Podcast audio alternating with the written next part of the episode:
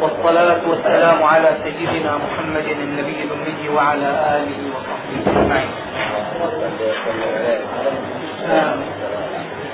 نعيد قراءة المتن من الأول. الأذان والإقامة سنة وقيل فرض كفاية. وإنما يشرعان لمكتوبة. ويقال في العيد ونحوه الصلاة جامعة. والجديد ندبه للمنفرد.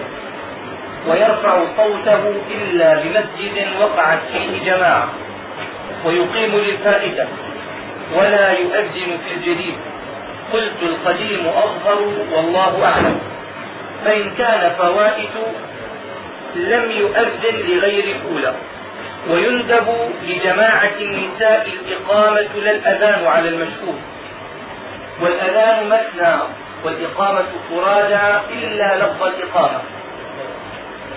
ويسن إدراجها وترتيله والترجيع فيه والتتويب في الصبح وأن يؤذن قائما للقبلة ويجب ترتيبه وموالاته وفي قول لا يضر كلام وسكوت طويلان وشرط المؤذن الإسلام والتمييز والذكورة ويكره للمحدث وللجنب أشد والإقامة أغلب ويسن صيت حسن الصوت عدل. والإمامة أفضل منه في الأصح. قلت الأصح أنه أفضل منها والله أعلم. قلنا هذا من الأمور التي خالف فيها الإمام النووي الإمام الرافعي.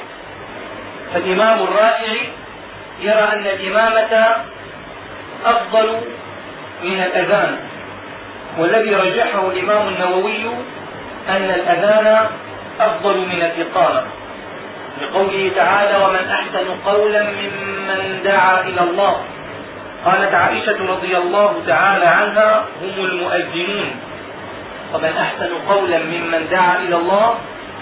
السيدة عائشة رضي الله عنها فسرت هذه الآية بالمؤذنين ولخبر إن خيار عباد الله الذين يراعون الشمس والقمر والنجوم والأضلة بذكر الله. رواه الحاكم وصحح إسناده. أن يراعون هذه الأمور من أجل مراعاة وقت الصلاة ومتابعته. ولدعائه صلى الله عليه وسلم للمؤذن بالمغفرة وللإمام بالإرشاد والمغفرة أعلى من الإرشاد وشرطه شرط الأذان. هذا الذي ذكرناه شرط المؤذن أن يكون مسلما مميزا ذكرا. فلا يصح أذان الكافر ولا الصغير الذي لم يميز ولا المرأة. ويحرم على المرأة أن تؤذن. لأنه يندب للمؤذن أن يمد صوته وأن يرفعه وأن يحسنه. ولو فعلت المرأة هذا لكانت سببا للإفساد بدلا من أن تكون سببا للإصلاح وتكون سببا لفتنة الناس. هذا شيء. والشيء الثاني لم يعهد في زمن النبي صلى الله عليه وسلم أن المرأة أذنت وطبعا هذا بالنسبة للأذان أما بالنسبة للإقامة فيسن للمرأة أن تقيم إذا كانت في جماعة النساء. بحيث تسمع النساء فقط. أما شرط الوقت شرط الأذان هذا شرط المؤذن وأما شرط الأذان فهو الوقت. ما يصح الأذان بالظهر قبل أن يدخل وقت الظهر. ولا يصح الأذان للعصر قبل أن يدخل وقت العصر. فإذا ما أذن في الثاني قبل الوقت عالما عامدا يكون قد ارتكب المحرم. حرام عليه أن يعمل هذا. هذا عبث بالشعائر ما عهد في زمن رسول الله صلى الله عليه وسلم أنه أذن للصلاة قبل الوقت.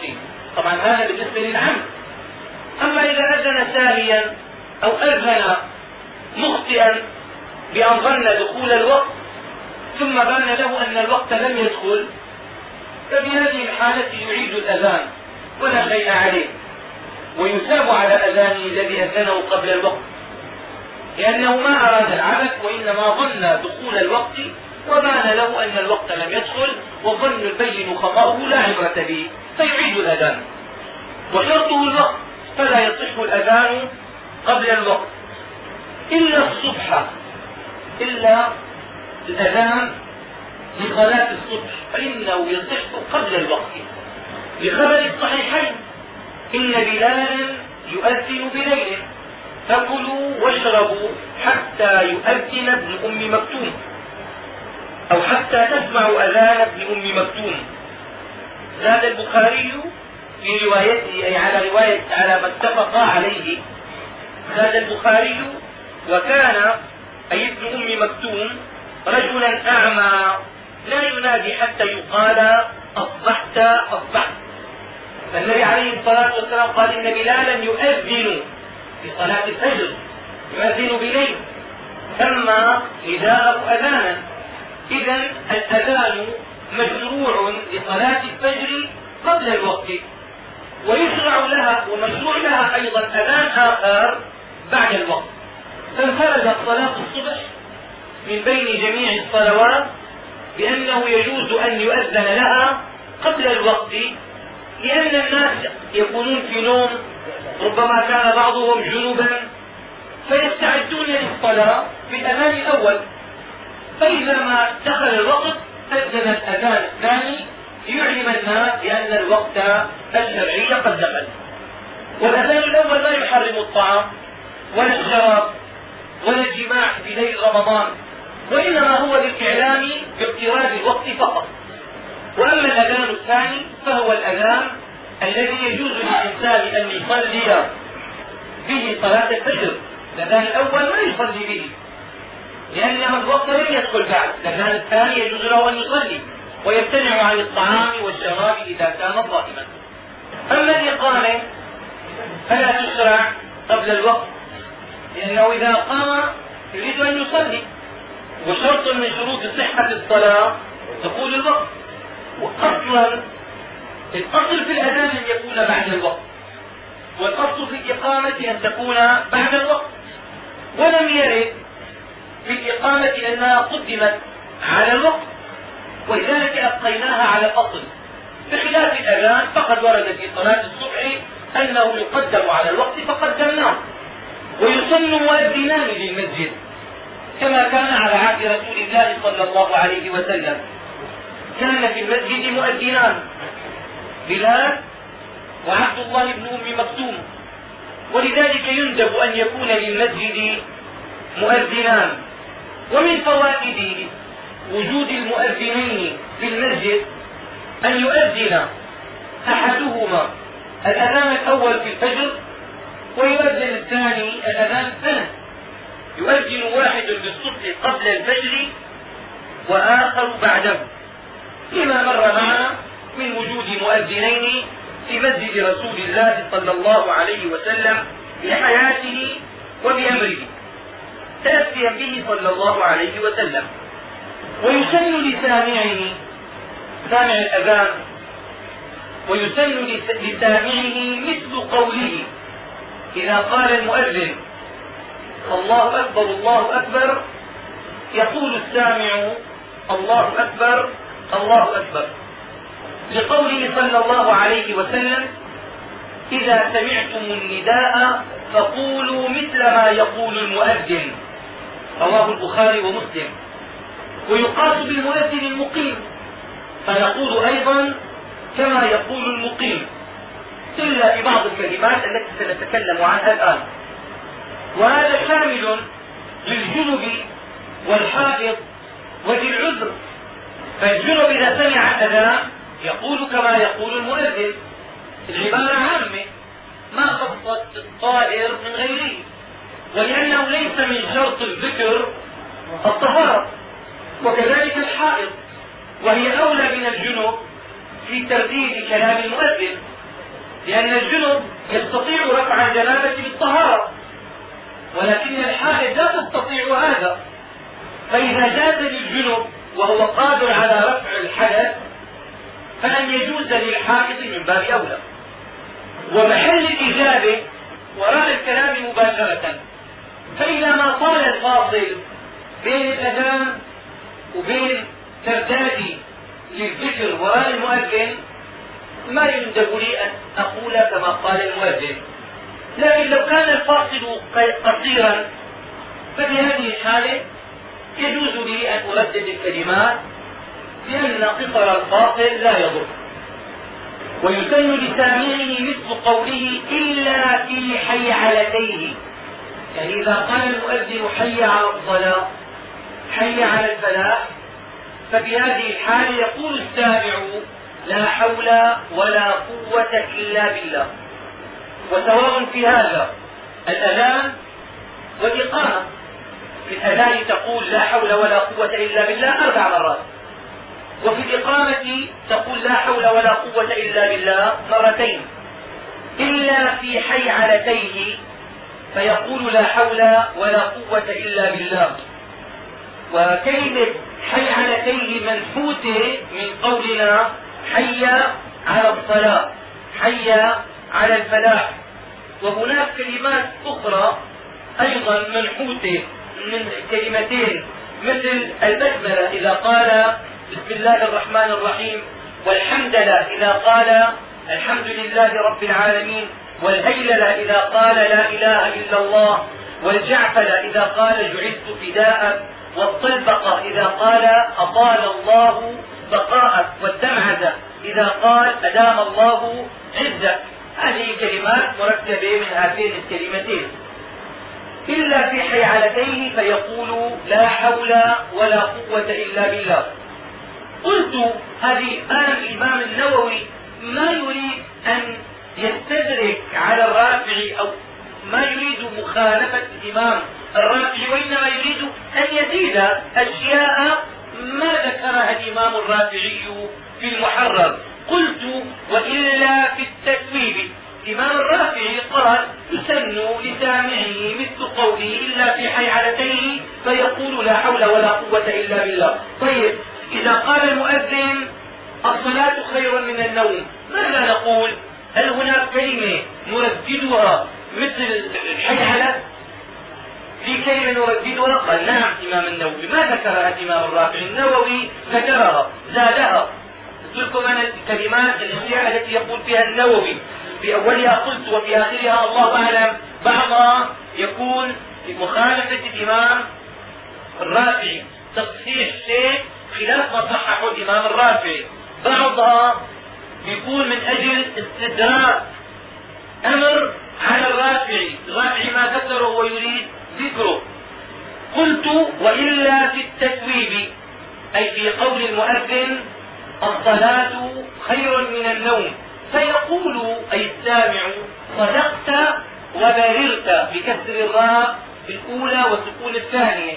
ويجوز الفتح يجوز أن يقول صدقت وبررت يعني صرت ذا بر دعاء للمؤذن.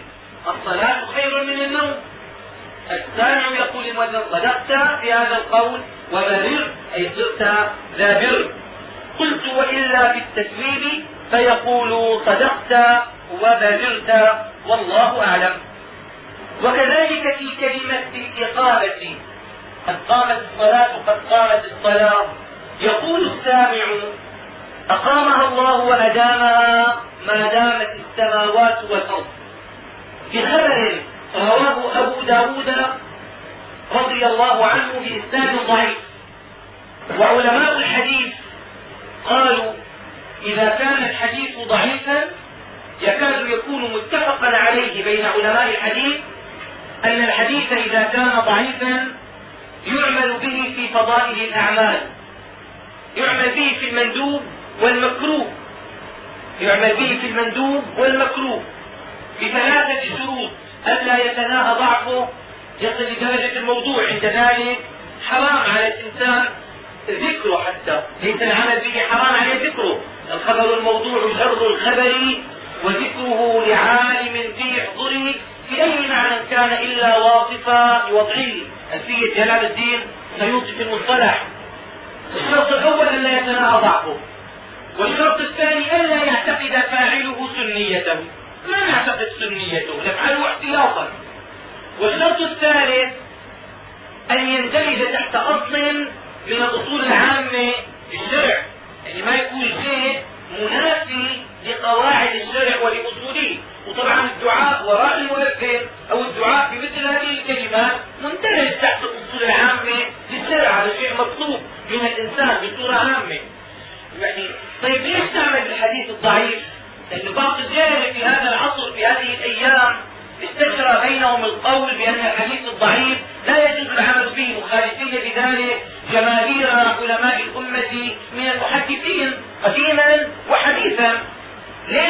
نعمل الحديث الضعيف نعمل به في فضائل الأعمال لأنه نحن عندنا درست منكم معي مصطلح الحديث الحكم على الحديث بالصحة والضعف ليس حكما على الحديث في الواقع ونفس الأمر. هذا الصحة في خبر الواحد مضمونة والضعف في خبر الواحد مضمون. نحن عندنا قد يصدق الكذوب قد يصدق الكذوب قاعدة عامة. ما لم يكن الحديث موضوعا. نحن حكمنا عليه بأنه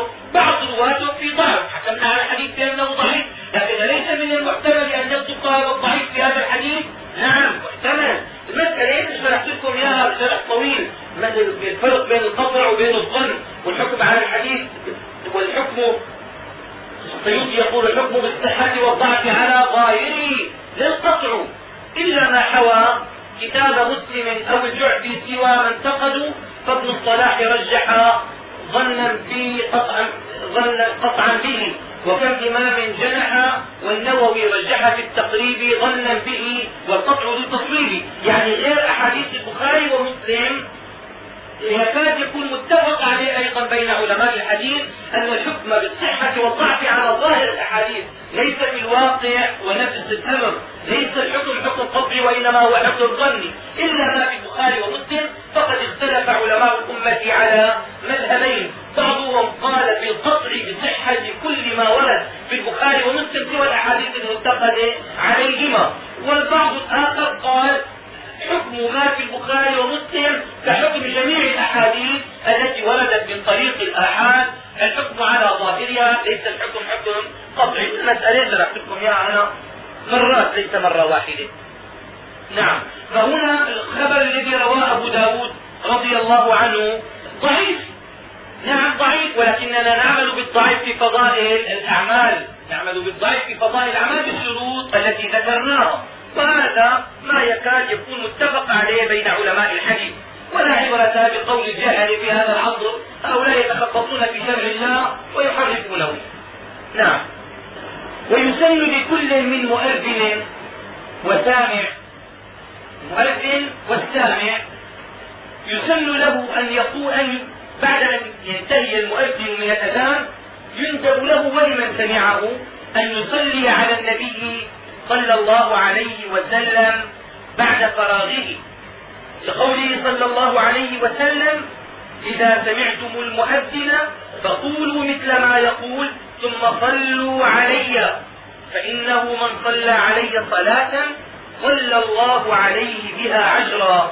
ثم يقول أي المؤذن والسامع. بعد ذلك اللهم رب هذه الدعوة التامة والصلاة القائمة آت محمدا الوسيلة والفضيلة وابعثه مقاما محمودا الذي وعدته لقوله صلى الله عليه وسلم من قال ذلك أي هذا الدعاء حين يسمع النداء حلت له شفاعتي يوم القيامة.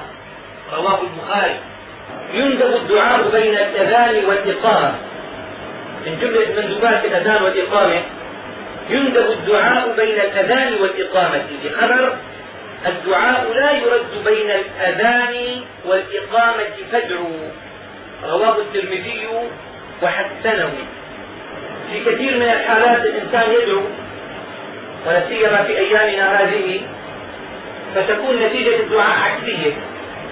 ندعو ليل نهار هذه الأيام لكن دعانا على ما يظهر أنه يرد علينا ما يستجاب له. وهنا النبي عليه الصلاة والسلام يقول الدعاء لا يرد بين الإذان والإقامة. تدعو وأظن أننا جميعا نعرف ما هو السبب في عدم سماع دعائنا. لأننا نحن المسلمين اليوم الحرام أصبح أساسا في حياتنا أكل الحرام. أصبح أساس في حياتنا. وكلام النبي عليه الصلاة والسلام سيأتي على الناس زمان. من لم يأكل فيه الربا فإنه يصيبه غباره أو كما قال صلى الله عليه وسلم اليوم ليس فقط يصيبنا غباره وإنما يكاد يكون جميع المجتمع واقع فيه. فصار طعامنا حراما ولحمنا نبت ودمنا وعظمنا عايش بالحرام لحمنا ينبت بالحرام وكل لحم نبت من السحت فالنار أولى به. والنبي عليه الصلاة والسلام حذرنا من هذا أن يكون مطعم الإنسان حراما وملبسه حراما ويضيع أوقاته بالحرام ثم يرفع يديه إلى السماء ويقول الله الله. أن يستجاب له؟ كيف يستجاب له؟ ما يستجاب له. شرط الدعاء حتى يستجاب. أن يكون الداعي متطهرا أن يكون الداعي مستقيما. أن يكون الداعي طائعا أن يكون مقلعا عن المعاصي أن يكون نادما على ما فرط في سالف الأيام وأن يكون مخلصا في الدعاء وأن يكون متيقنا بالإجابة يدعو وهو موقن بأن الله سوف يجيب دعاءه. ومعظم هذه الشروط اليوم غير متوفر عند الجمهور الأعظم من أبناء الأمة. ولذلك ندعو فلا يستجاب لنا. فإذا سمعتم هذا الكلام الدعاء لا يرد بين الأذان والإقامة فادعوا. ودعوتم الله ولم تجدوا الإجابة فلا تقولوا إن الله ما أجاب دعاءنا خلافا لما ورد في الحديث. ولكن قولوا ربنا إنا ظلمنا أنفسنا فاغفر لنا. ادعوا الله سبحانه وتعالى أن يهدينا إلى الصراط المستقيم والطريق القويم وأن يبعدنا عن الحرام. نحن اليوم لسنا في الشبه وإنما في جثة الحرام في وسط الحرام. وحياتنا الحرام ليس فقط في الأمر الربا الذي تكلمنا عنه في معظم جزئيات حياتنا في طريقنا في مدرستنا في جامعتنا في وظيفتنا في بيوتنا.